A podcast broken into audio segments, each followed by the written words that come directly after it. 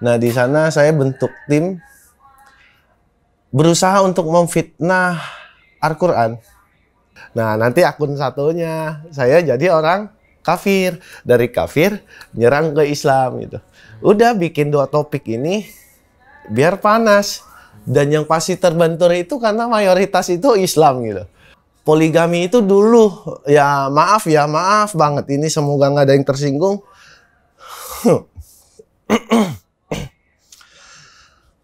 buat saya poligami itu ya mencerminkan kalau Rasulullah itu hypersex gitu.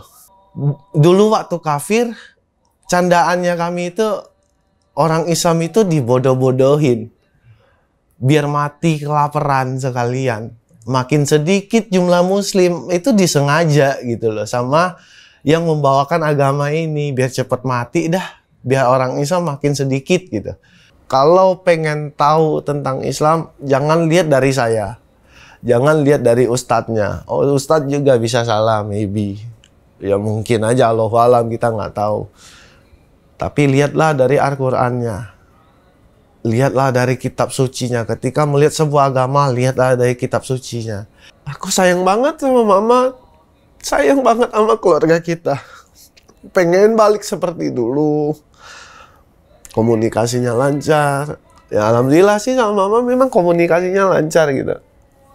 Sayang aku ke mama tiga lipat lebih besar seperti yang diajarkan sama kitab suci saya sekarang, Ma. Tidak ada di dunia ini makhluk yang saya cintai melebihi cinta saya ke mama. Sebelum mulai, yuk dukung dakwah Fetizon TV dengan like, subscribe, dan nyalakan notifikasi. Jazakumullahu khairan kathiro.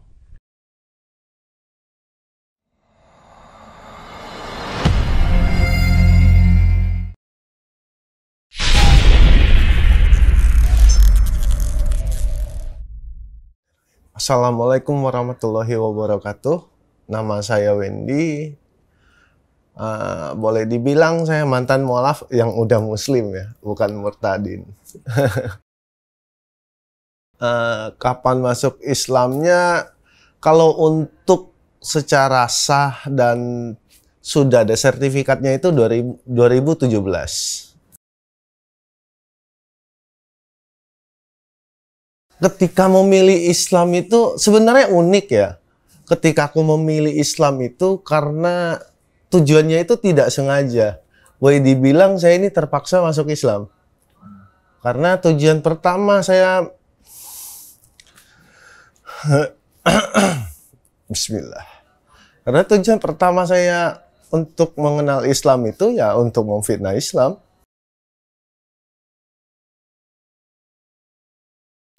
Ya karena saya orang Cina ya.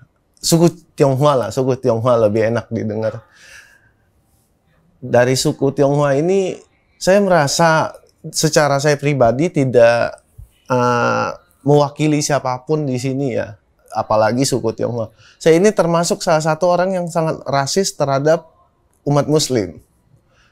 Dan saya benar-benar tidak suka dengan Islam dulunya. Ya, saya sendiri nggak tahu, mungkin karena bawaan lingkungan, maybe.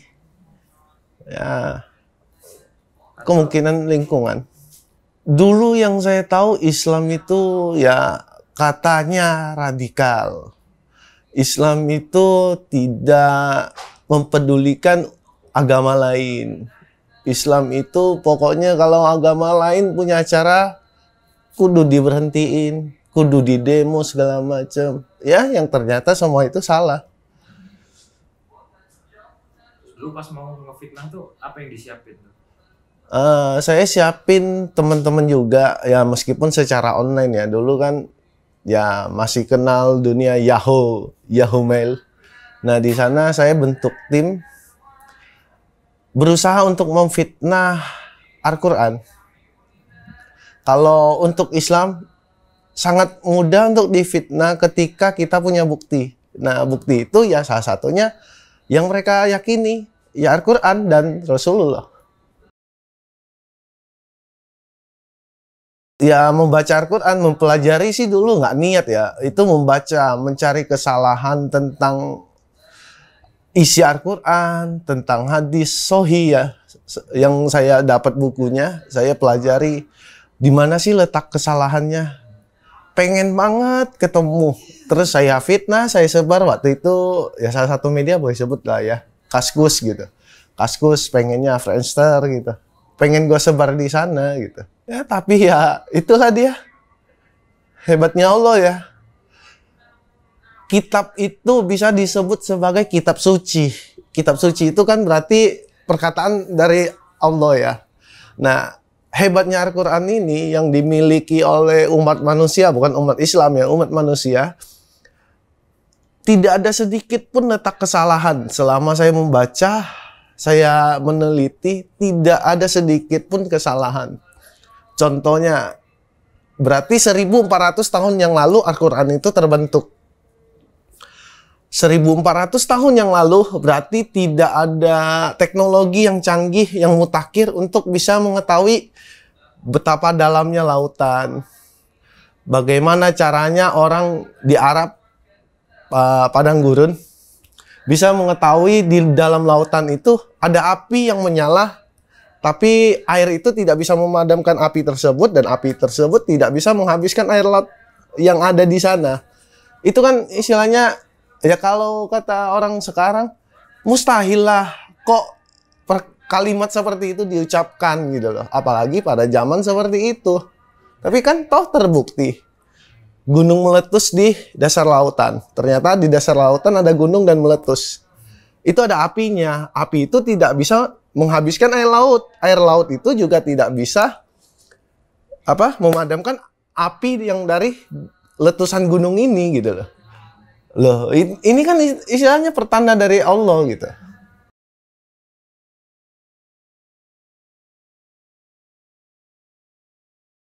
Ya tak tinggal timnya. Saya bilang, udah kita bubar aja.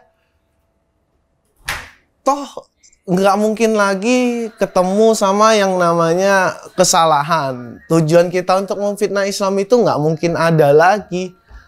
Yang kita baca udah bolak-balik lah tiga kali ya kalau kata orang Islam katam tiga kali loh kagak ketemu salahnya buat apa lagi di kita bentuk tim ini gitu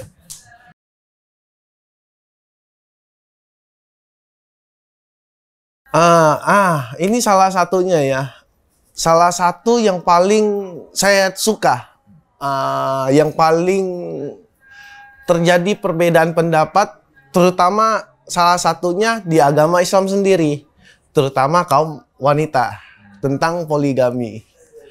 Poligami itu dulu ya maaf ya maaf banget ini semoga nggak ada yang tersinggung.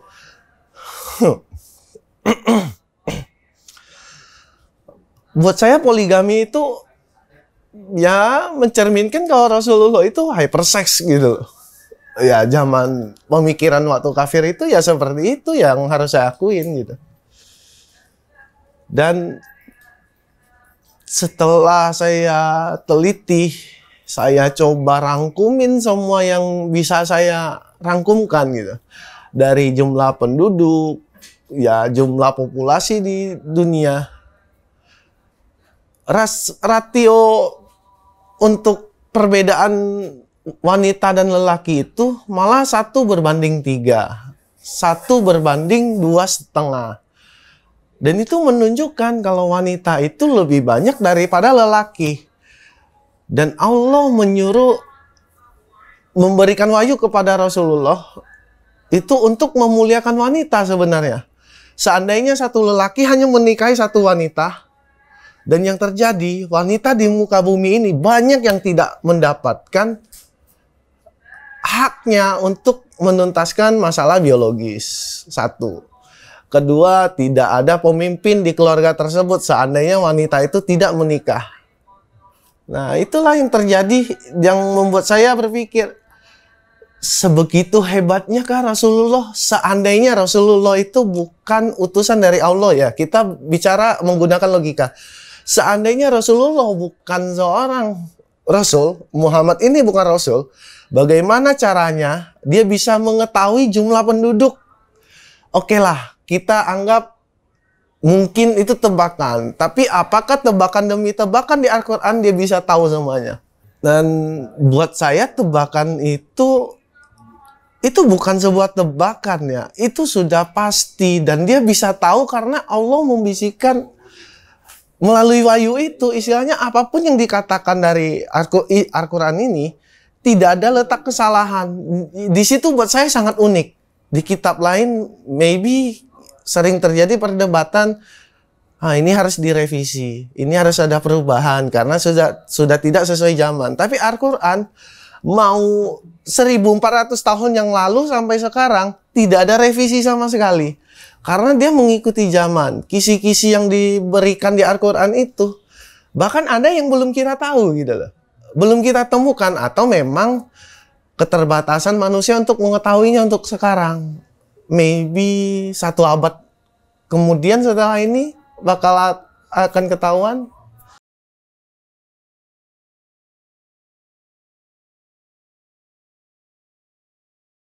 Sebelum Muslim, saya taunya doktrin dari ya ini sih candaan ya, bukan serius. Ini sebuah candaan gitu kan, candaan antara kami dengan teman-teman gitu kan yang sesama kafir.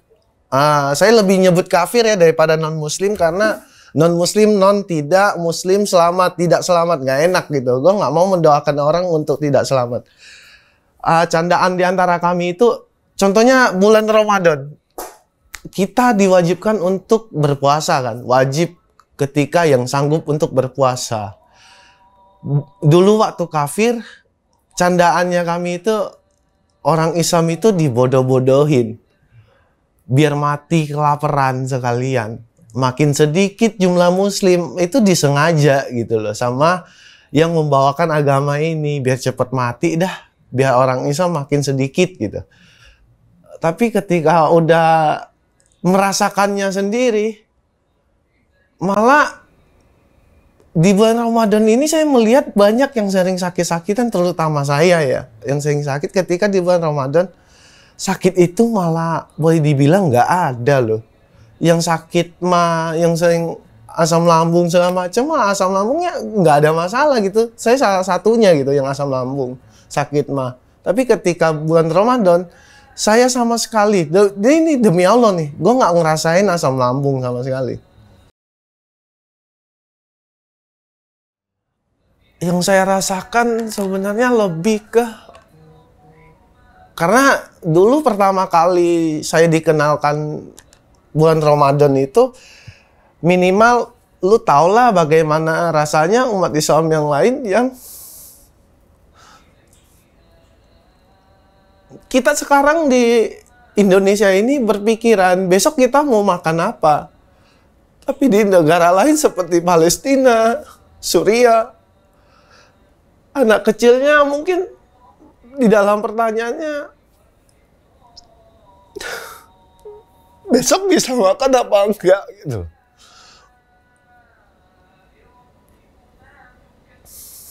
Jadi yang saya rasakan itu saya merasa saya di posisi sebagai seorang anak yang mungkin berpikiran besok bisa makan apa enggak gitu loh.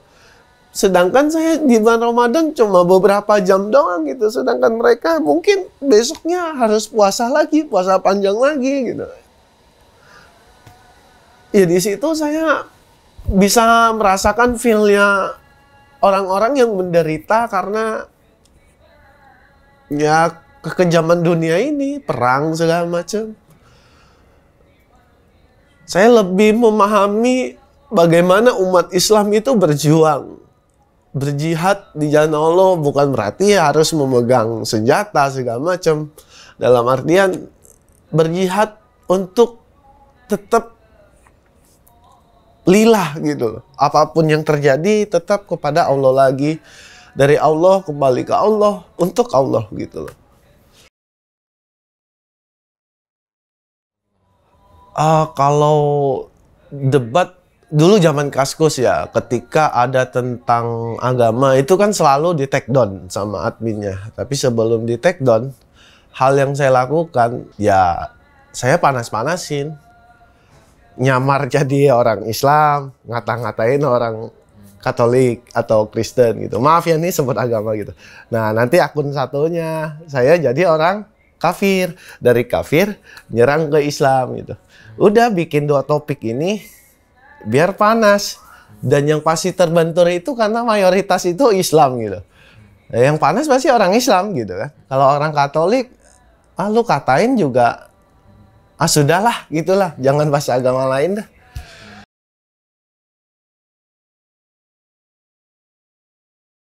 ketika untuk memantapkannya kan, untuk memantapkan untuk diri saya sendiri sih kembali lagi ke Al-Qur'an aja sih. Saya lebih suka membaca Al-Qur'an itu berulang-ulang meskipun saya punya kesulitan untuk menghafal seluruh Al-Qur'annya, tapi saya tetap berusaha. Membaca Al-Qur'an itu aja sudah menambah wawasan saya gitu. Betapa kecilnya saya di mata Allah betapa kecilnya, betapa tidak pentingnya saya kalau saya tidak terus meminta kepada Allah semoga Allah ridho untuk saya berada di dunia ini mencari rezeki saya dan tentu saja kembali ke semoga saya bisa masuk jana dengan ya berharapnya sih tanpa hisap gitu loh.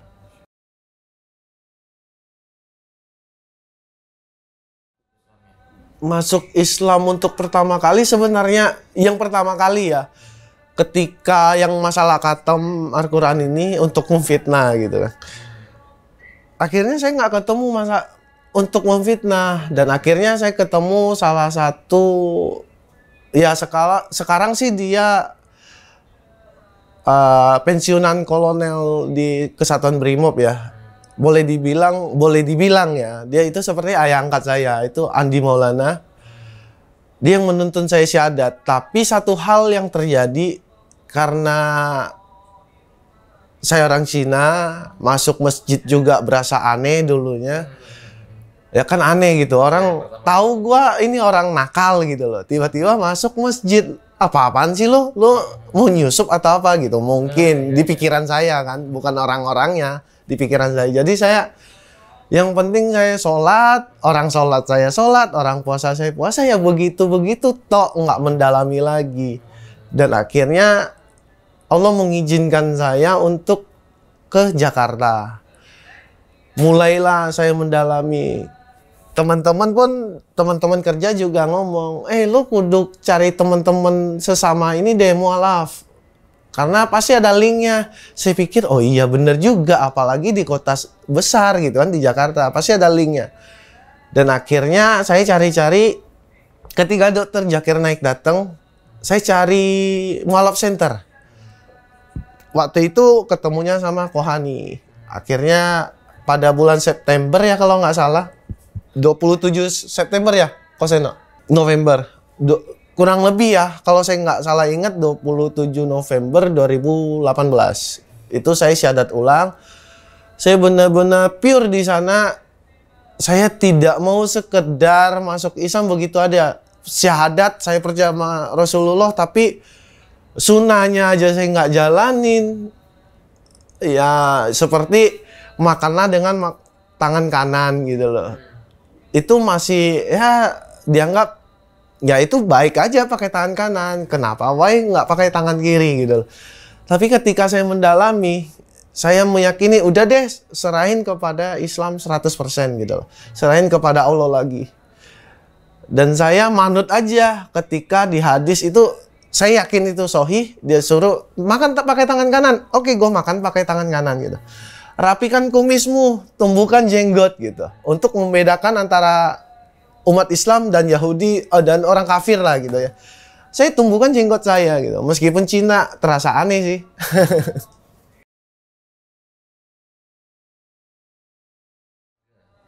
hmm, ini ya. Ketika pertama kali syahadat, saya telepon mama saya dan papa saya. Yang pertama saya telepon itu mama karena waktu itu hubungan saya dengan mama itu nggak harmonis banget deh sampai pernah teman saya datang ke rumah dan mama saya mengatakan saya nggak punya anak yang namanya Wendy ya namanya nakal ya. Jadi ya, bodo amat lah. Gue nggak kepikiran harus hormati orang tua segala macem. Tapi ketika setelah saya selesai syahadat, saya telepon ke mama, mah saya udah syahadat ya. Udah selesai syahadat ini. Saya masuk Islam ya. Padahal saya udah syahadat duluan, baru ngabarin gitu. Bukan minta izin ini. Saya cuma deklar kalau saya ini saya udah muslim gitu. Saya udah berpikiran negatif. Oh ini pasti siap-siap dah. Seperti yang saya tahu, lu bakalan diusir nih. Jarang-jarang kan suku Tionghoa masuk Islam. Kebanyakan itu yang nggak dianggap anak ya diusir. Toh saya udah nggak dianggap anak dulunya gitu loh. Karena saking nakalnya saya, saking bandelnya saya. Ternyata Ya Allah itu unik ya. Mama saya malah mengucapkan alhamdulillah. Setan di rumah itu sudah pergi. Eh setan itu ya sayang dulu gitu. Betapa nakalnya saya, betapa nggak bergunanya saya deh. Saya bener-bener sampah masyarakat dulunya gitu. Dan mama sangat merestui saya masuk Islam. Terus ayah saya, saya telepon, Pak, saya masuk Islam. Kenapa kamu masuk Islam? Kamu kan Cina gitu yo saya merasa di Islam bener mau gimana ya udahlah saya nggak mau komentar kamu mau masuk silakan. Lebih baik jangan. Berarti tanggal ah, di pikiran saya papa tidak mengiyakan tidak juga melarang gitu. Ya terserah saya wong saya udah gede gitu kan. Pilihan saya yang terbaik saya pure tujuannya saya ingin merubah image kepada orang. Ini loh Wendy yang baru bukan Wendy yang kalian tahu itu bandel sampah masyarakat ngerusak masyarakat gitu Itu kan bayi telepon ya.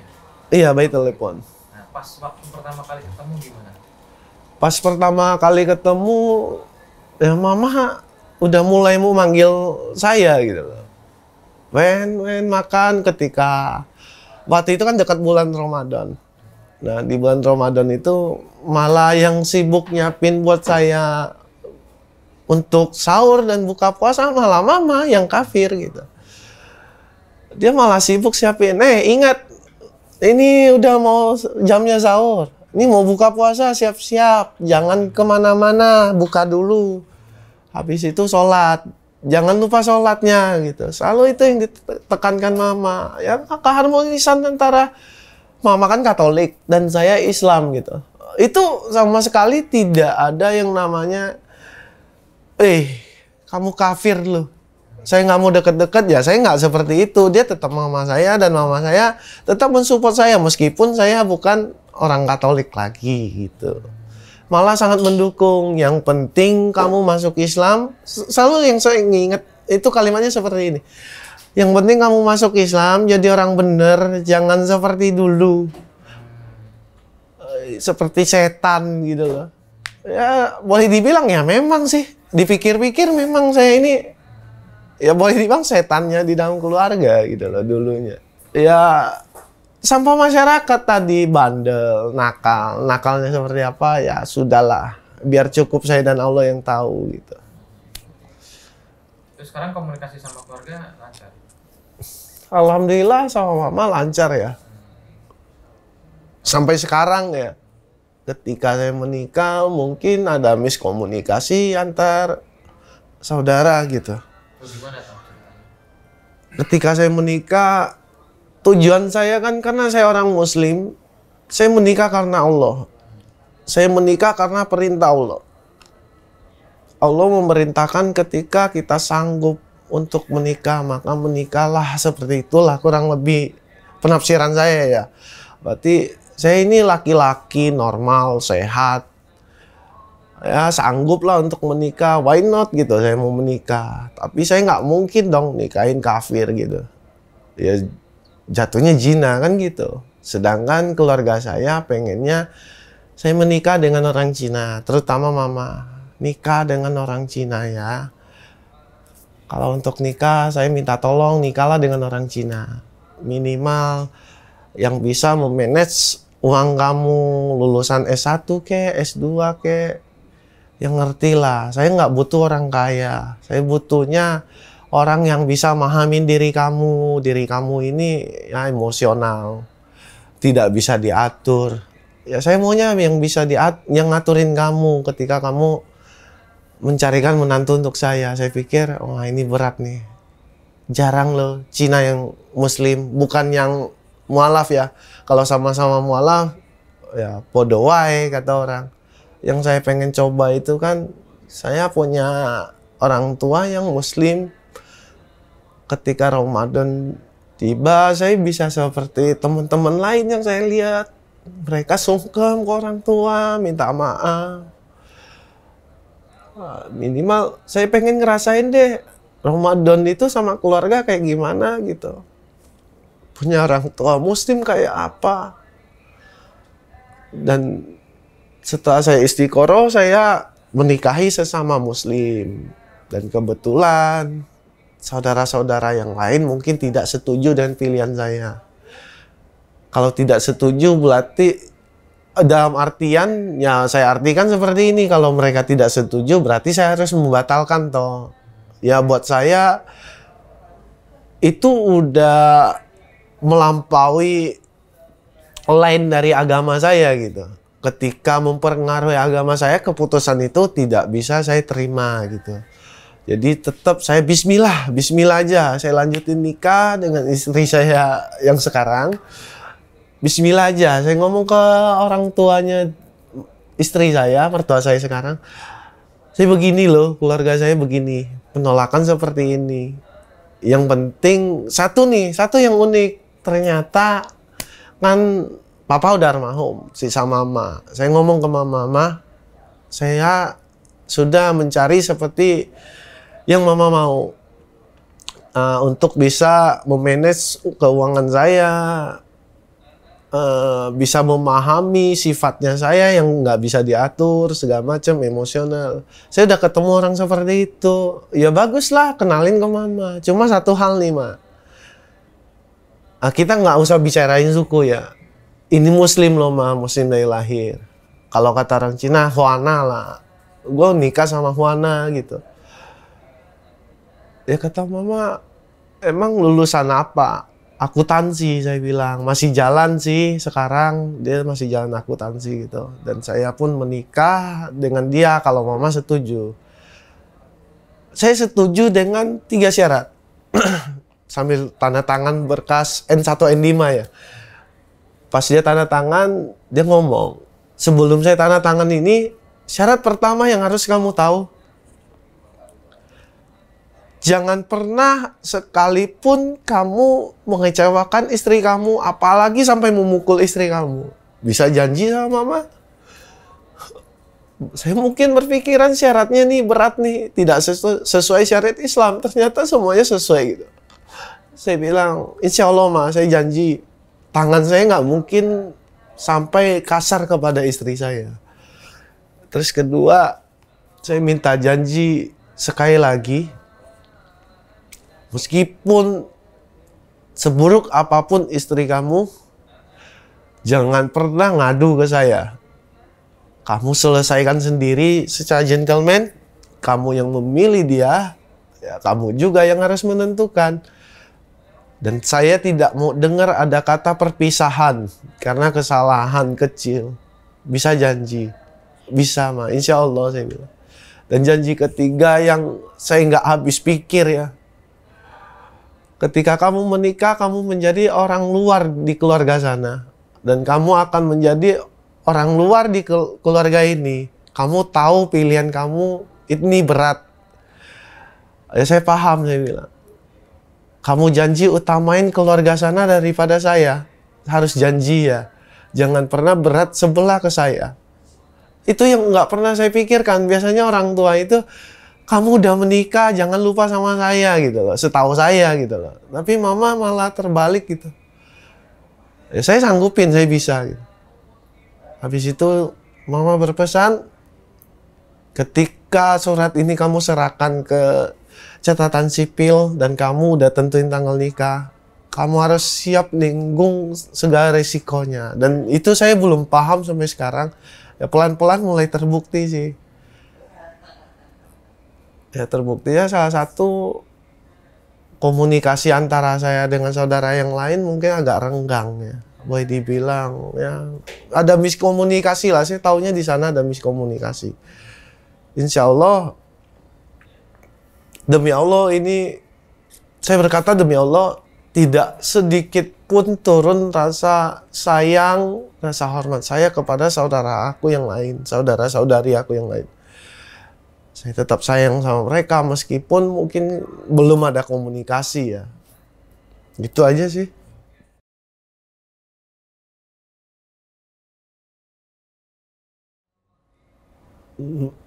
saya nggak mau munafik ya. Yang saya harapkan ya mereka syahadat. Meskipun ya agak susah sih. Ya saya tetap mendoakan semoga mama dapat hidayah, Cece, Koko gitu. Ya mungkin buat pihak mereka itu permintaan yang mustahil mereka kabulkan gitu. Ya semoga aja Allah berikan hidayah gitu. Itu yang saya harapkan. Saya tidak berharap banyak saya tidak mengharapkan dunia dari mereka, harta dari mereka. Saya bisa kok, saya punya tangan, saya punya kaki, saya punya daerah yang besar untuk mencari rezeki saya sendiri gitu. Saya tidak butuh dunia, saya cuma butuh keluarga yang utuh seperti dulu lah gitu.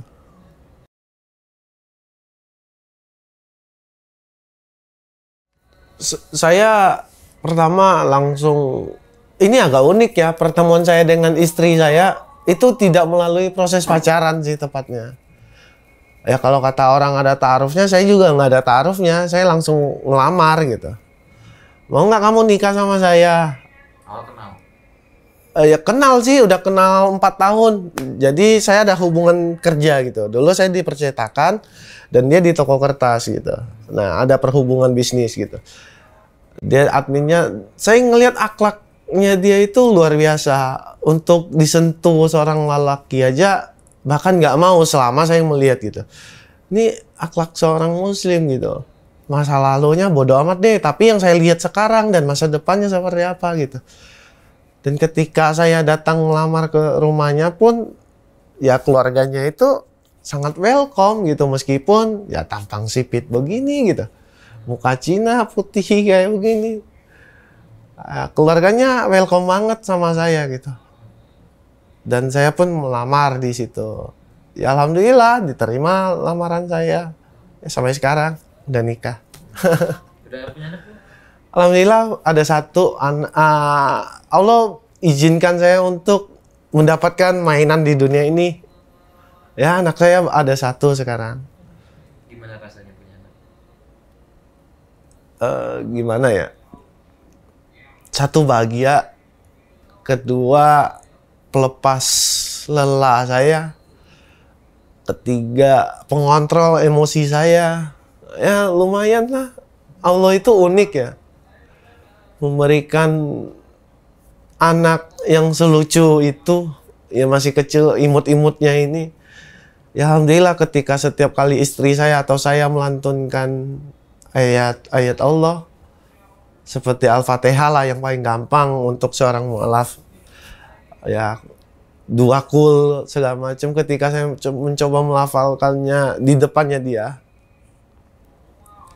itu gimana ya? Itu saya ngerasa gimana buat saya sendiri ya penafsiran saya sendiri. Allah itu benar-benar ada loh. Anak saya bisa tersenyum setiap kali saya melantunkan Al-Fatihah seperti istri saya melantunkan surat-surat uh, seperti Al-Baqarah segala macam yang dilantunkan istri saya. Anak saya pasti tersenyum. Anak saya pasti menyimak gitu. Dan pernah saya tes, saya coba nyanyiin lagu, uh, nyanyiin nyanyiin lagu lah gitu. Anak saya diem, respon paling heboh ya nangis. Tapi ketika dibacain ayat Al-Quran, yang lagi nangis pun jadi diem gitu ya kembali lagi ke ininya ya, bukan ke anaknya. Saya malah melihat ke kembali ke Al-Qur'annya.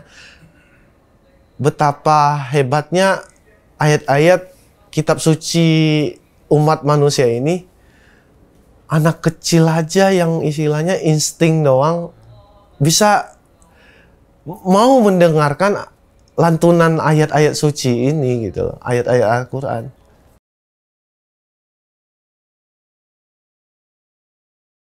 Untuk orang yang sekarang masih kafir yang ingin mengenal Islam lebih dalam tenang. Kalau Anda dari suku Tionghoa, saya salah satunya juga orang Tionghoa. Saya murni orang Tionghoa. Jangan pernah takut hubungin kami di Mualaf Center. Lu nggak sendirian, lu tenang aja. Kalau pengen tahu tentang Islam, jangan lihat dari saya. Jangan lihat dari ustadznya. Oh, ustadz juga bisa salah, maybe. Ya mungkin aja Allah alam kita nggak tahu. Tapi lihatlah dari Al-Qur'annya. Lihatlah dari kitab sucinya. Ketika melihat sebuah agama, lihatlah dari kitab sucinya. Kalau setelah melihat ya mungkin rekaman ini Anda merasa saya banyak salah untuk orang kafir ya. Nggak perlu komentar sinis atau segala macam. Lu baca aja Al-Quran. Lu baca aja Al-Quran. Insya Allah lu bakal ketemu mana sih yang benar. Dan hanya satu-satunya kitab suci yang mengatakan ini loh kitab suci umat manusia. Kalau lu buka Al-Quran di halaman pertama, eh, kitab suci untuk umat manusia.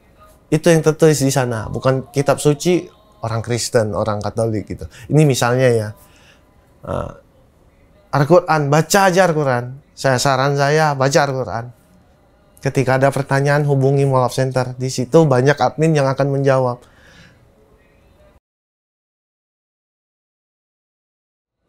Mama, meskipun sekarang kita ya jauh sering video call, sering teleponan. Aku cuma satu kalimat yang nggak pernah saya bisa ucapkan di depan kamu. Aku sayang banget sama mama, sayang banget sama keluarga kita. Pengen balik seperti dulu. Komunikasinya lancar. Ya alhamdulillah sih sama mama memang komunikasinya lancar gitu. Saya ingin keluarga aku tahu ter- termasuk mama. Sayang aku ke mama tiga lipat lebih besar seperti yang diajarkan sama kitab suci saya sekarang, Ma. Tidak ada di dunia ini makhluk yang saya cintai melebihi cinta saya ke mama. Eh, sekian dulu dari saya. Eh, terima kasih dan mohon doanya semoga saya tetap istiqomah, tetap berjihad di jalan Allah, Tet- tetap memegang erat sunnah, eh, memegang erat hadis dan Al-Quran seperti menggenggam bara api. Amin ya Allah. Eh, Assalamualaikum warahmatullahi wabarakatuh. Sekian dan terima kasih.